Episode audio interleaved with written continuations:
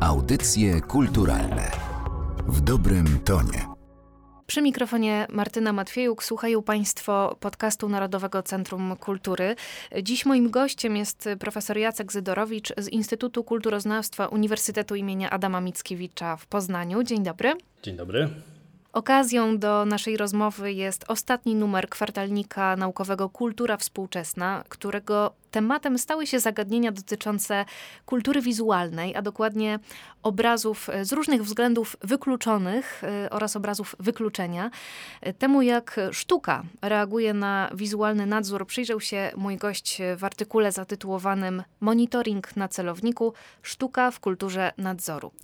Obrazami wykluczonymi byłyby tutaj na przykład obrazy rejestrowane przez system monitoringu, które często nie wiadomo przez kogo i w jakim celu są gromadzone czy przetwarzane. E, I panie profesorze, temu tematowi oczywiście przyglądają się też artyści. Zacznijmy może od kilku przykładów podjęcia tego tematu wizualnego nadzoru przez artystów, e, może takich przykładów głośniejszych. Hmm. Warto by się pozastanawiać y, faktycznie, co to za przykłady to raz i dlaczego z takiego klucza, ale czy one były głośne? Y, na dobrą sprawę one no, nie były jakoś tak bardzo, bardzo mocno skandalizujące, wydaje mi się. Na tyle były zauważalne, że uznałem, że warto im się przyjrzeć, ponieważ no, jak zacząłem się temu tematowi właśnie głębiej przyglądać, to się okazało, że, że jest tego zainteresowania pośród artystów znacznie więcej niż niż myślałem. I to z rozmaitych jakby przyczyn y, artyści się za ten temat y, biorą.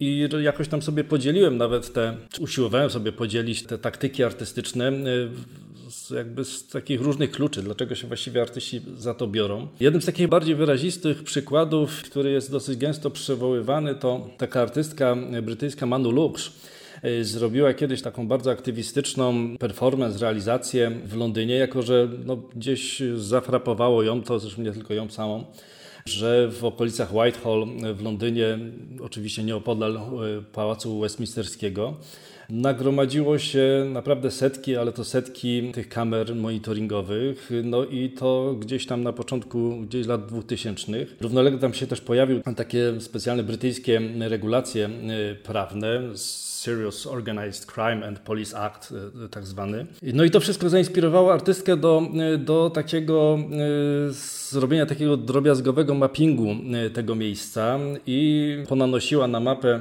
wszystkie te kamery, które, które tam znalazła, tam chyba z 200 ich chyba naniosła na, na tę mapkę. Przyjrzała się im właśnie bliżej i się okazało, że jedna z nich nawet była z tych kamerek niezabezpieczona, więc każdy, kto chciał, mógł sobie bezprzewodowo przechwycić ten sygnał. No i zaczęła tam robić rozmaite akcje, na przykład wyznaczała za pomocą taśmy klejącej na ulicy pola widzenia tych kamer. Przy tej właśnie kamerze feralnej, którą odnalazła, rozdawała ulotki właśnie z, ty, z tymi mapami, y, właśnie gdzie, w jakich przestrzeniach jesteśmy filmowani. No i skończyło się to może właśnie nie tyle skandalem, ile, ile interwencją policji faktycznie, bo policja się zainteresowała, dlaczego właśnie taka akcja, co ona jako artystka ma tutaj do tego, że jest coś filmowane. Ona zaczęła odpytywać z kolei policjantów, jak to się dzieje, że, że tutaj bez, bez niczyjej zgody aż tyle tych kamer. No i właściwie wszystkiemu temu y, później też towarzyszył filmik, który gdzieś tam został ukradkiem zrobiony i i nagrana między innymi ta jej rozmowa z policją. Także to, to był taki przykład takiego miejskiego interwencjonizmu artystycznego który był szeroko dyskutowany, czy, no bo później podejmowali liczni aktywiści ten mapping monitoringu, no i były takie namysły, czy aby to nie, nie może przysłużyć się jakimś, no nie tyle zwykłym obywatelom, ile na przykład, nie wiem, terrorystom, bandytom i tak dalej, którzy po prostu będą w stanie sobie wytyczać e, po Londynie ścieżki, tak żeby być nie, niezarejestrowanym, nie, nie nagranym. Także no stąd tutaj gdzieś ewentualny taki cień kontrowersji się pojawił. Ale to jakby w przestrzeni sztuki nie tylko takie silnie aktywistyczno, takie zaangażowane projekty się działy. Może, żeby tak z drugiego bieguna coś bardziej zabawnego pokazać czy, czy, czy opowiedzieć, to z opowiadaniem sztuki w podcaście to jest trochę jak z opowiadaniem mema w radio. To trochę, trochę słabe, no ale, ale myślę, że pewne linki, pewne nazwiska warto sobie gdzieś tam zapamiętać i ewentualnie prześledzić. W każdym razie jest taki, taki fajny berliński artysta Julius von Bismarck i on tutaj wykorzystał właśnie te systemu monitoringu miejskiego w taki przewrotny sposób, bo, no bo jednak w tle gdzieś tak ironicznie i zabawnie się zrobiło. Ten projekt w 2010 roku, jeśli dobrze pamiętam, miał tytuł Public Face. No i polegał na tym, że zebrał sygnał z tych, z tych miejskich kamer monitoringu. Wespół z jakimiś tam kolegami od oprogramowania wymyślili taki software, który sczytywał emocje ludzi, czyli uśmiechy, smutek, tudzież jakieś takie wszystkie nastroje pomiędzy. No i ten taki uśredniony wynik y, tych wszystkich y, szczytanych, y, szczytanych przez kamery monitoringu twarzy był wyświetlany, właściwie monitorowany za pomocą takiej gigantycznej emotki, którą gdzieś tam w takich prestiżowych miejscach instalował. To był taki wielki, neonowy, taka buźka emotka, no, która pokazywała nastrój mieszkańców, na przykład Lindau w danym momencie i to wtedy na latarni morskiej ta buźka się, się, się wyświetlała. To jest no takie, mówię, o tyle przedsięwzięcie fajne, warte przywołania, że, że przy pomocy niekoniecznie super, super poważnych środków wyrazu y, można, można ciekawe pytania y, pozadawać. No właściwie można tu się nawet pokusić o to, że, że to jest jakiś taki element takiej taktyki art-based research, czyli takich właściwie badań społecznych dokonywanych y, przez sztukę. No i przy okazji rodzaj takiego karnawałowego odwrócenia, gdzie poważne wbrew pozorom tematy są rozbrajane humorem. Także tu można by jeszcze inne może, może przykłady takich artystycznych działań. Ja też sobie na własne potrzeby wymyśliłem taką kategorię takich taktyk artystycznych, które w jakiś sposób by analizowały, ale też trochę fetyszyzowały tutaj to zjawisko monitoringu miejskiego. I tu taka, taka artystka Jill Meggitt, Amerykanka, w pewien sposób zaczęła się odnosić w tych, w tych swoich projektach do, do kategorii wojeryzmu, czyli podglądactwa. Czy typowo ludzkie, czy nie ludzkie, takiej parafilii seksualnej w każdym razie, gdzie tym seksualnym bodźcem jest, jest sam fakt y, podglądania. No i ona tu w jednym ze swoich wcześniejszych projektów wymyśliła taką kamerę, która nie tyle będzie inwigilować ludzi, ile ją samą. Wymyśliła taki specjalny setup, który instalowała sobie gdzieś, gdzieś na nodze i de facto ta kamera transmitowała jej części intymne podczas spacerów po mieście. No gdzieś tam to miasto oczywiście przebłyskiwało, ale to taki rodzaj właściwie ekshibicjonizmu jako takiej taktyki trochę obronnej przed tym podglądactwem. Dość przewrotny, przewrotny pomysł, ale dość zabawny. Innym razem na przykład ta sama artystka wybrała się do Wielkiej Brytanii i wymyśliła taki w Liverpoolu taki rodzaj performance'u.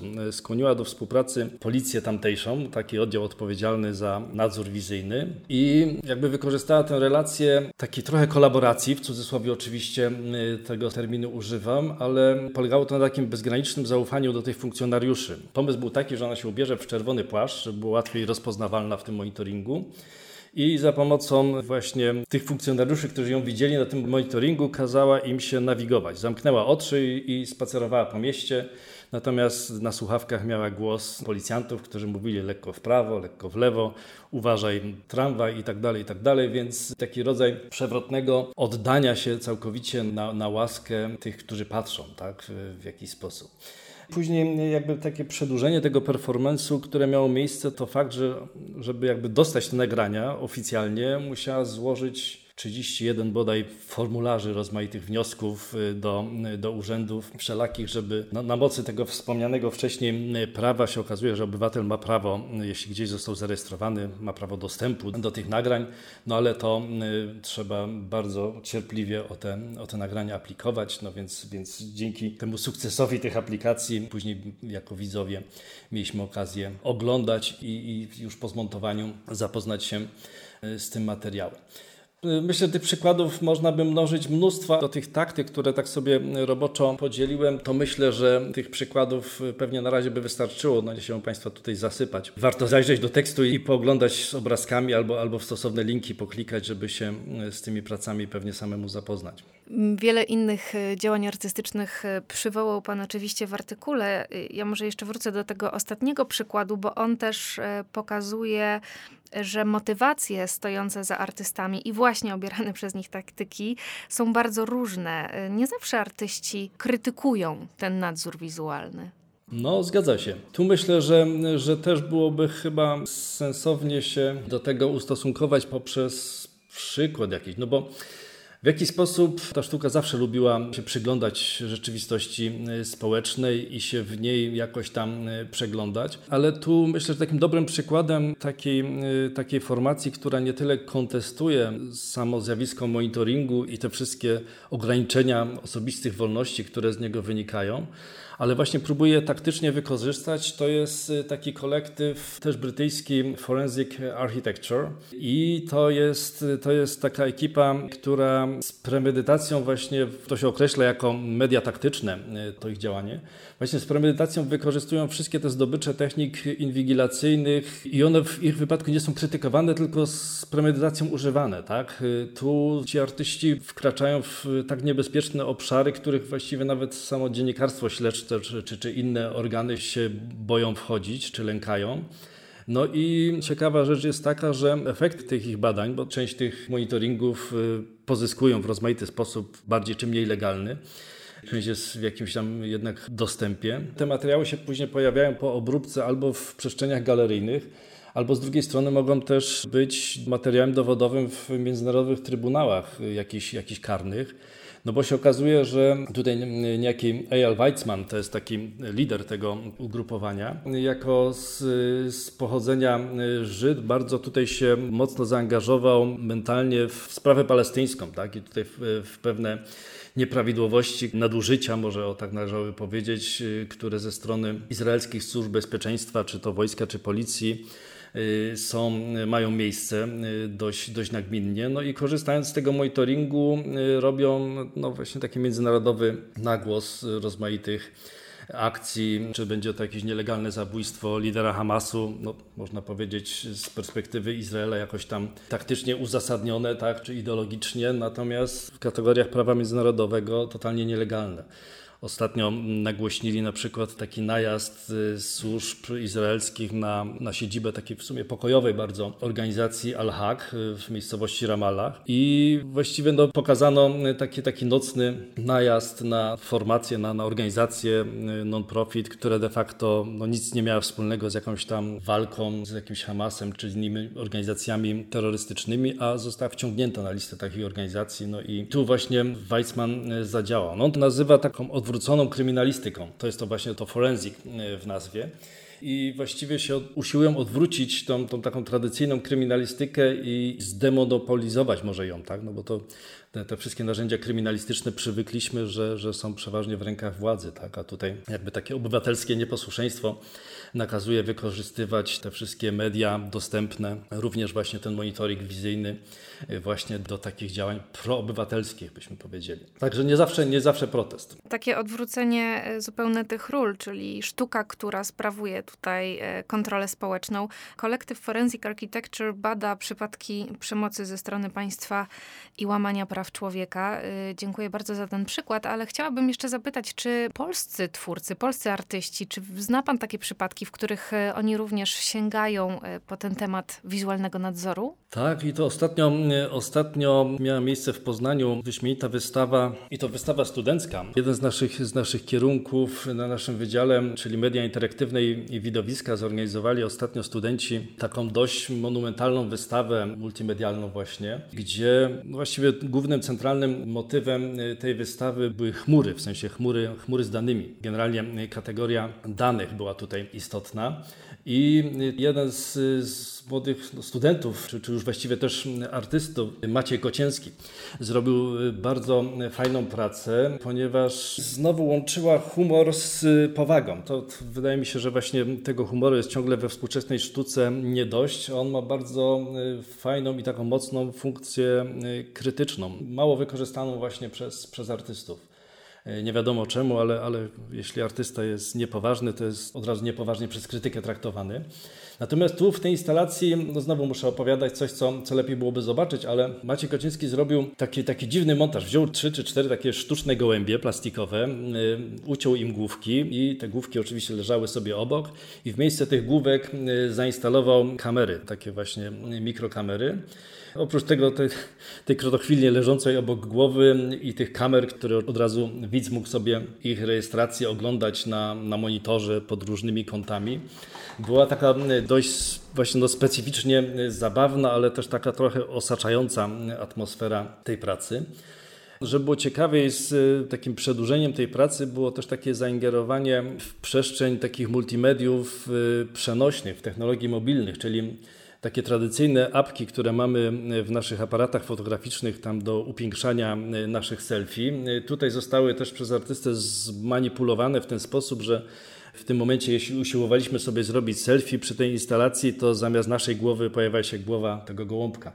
Więc, więc taki jeszcze dodatkowy poziom tej takiej inwigilacji, której się sami y, sobie poddajemy. Tak? No w tej chwili już okazuje się, że nie są potrzebne jakieś wyszukane i specjalnie skomplikowane mechanizmy monitoringu, gdyż no, skutecznie poprzez media społecznościowe sami się monitorujemy i wiele z tej swojej prywatności y, oddajemy po prostu gratis tym, którym się to akurat w danym momencie przydaje.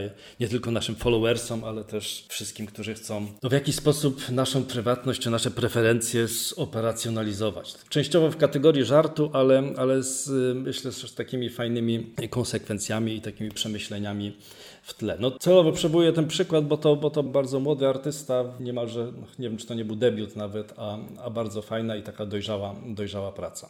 Mhm. Pewnie wielu z tych e, technik inwigilacyjnych e, nie jesteśmy świadomi, one też zmieniają się niezwykle szybko i sztuka oczywiście na to reaguje w rozmaity sposób, ale spróbujmy sobie to trochę usystematyzować. E, od jak dawna artyści w ogóle podejmują w swoich działaniach ten temat nadzoru wizualnego i czy możemy powiedzieć o surveillance art jako, o sztuce nadzoru jako o pewnym nurcie już? Hmm, zastanawiam się, czy aż o nurcie. No, osobiście nie jestem tutaj jakimś takim wielkim fanem takich radykalnych typologii i takich taksonomii, bo w tym względzie sztuce jest zawsze daleko do nauk ścisłych czy przyrodniczych. No, sztuka to jest taki bardziej anarchiczny żywioł, bym powiedział, który się zawsze będzie wymykał takim, takim kategoryzacjom. Więc też nie jestem przekonany, czy, czy o takim osobnym nurcie w sztuce możemy mówić, a to dlatego, że, że tematykę tego nadzoru wizualnego podejmuje się właściwie w, w bardzo wielu różnych y, nurtach i, i, i tendencjach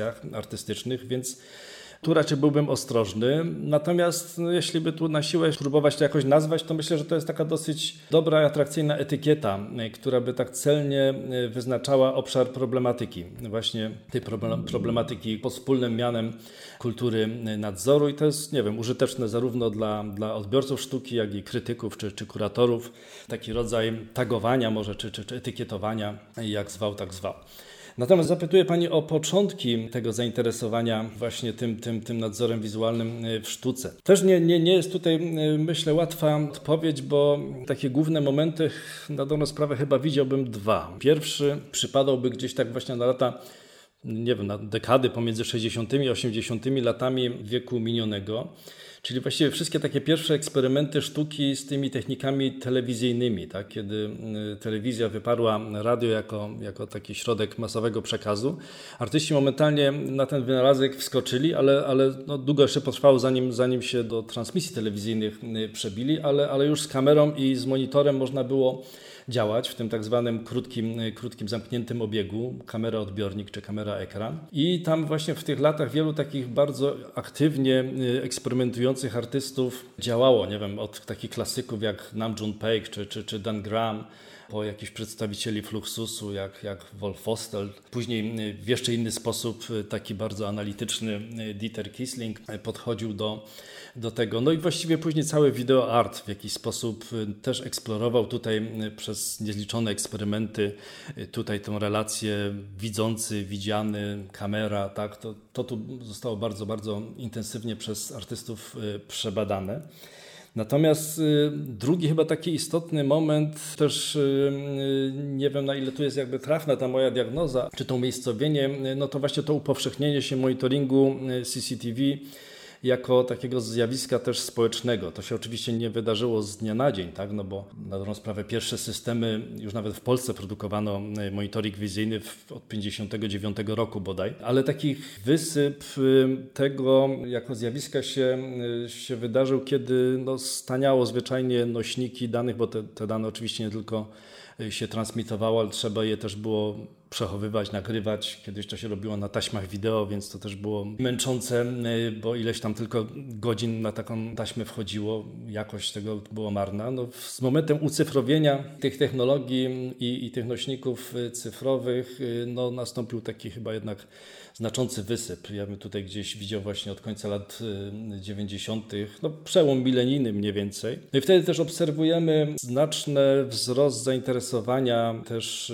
nie tylko na gruncie sztuki, ale na gruncie nauk społecznych, humanistycznych, tak zwane surveillance studies. Y, tego się z, nagle pojawiło bardzo dużo, rozmaitych konferencji, książek na ten temat.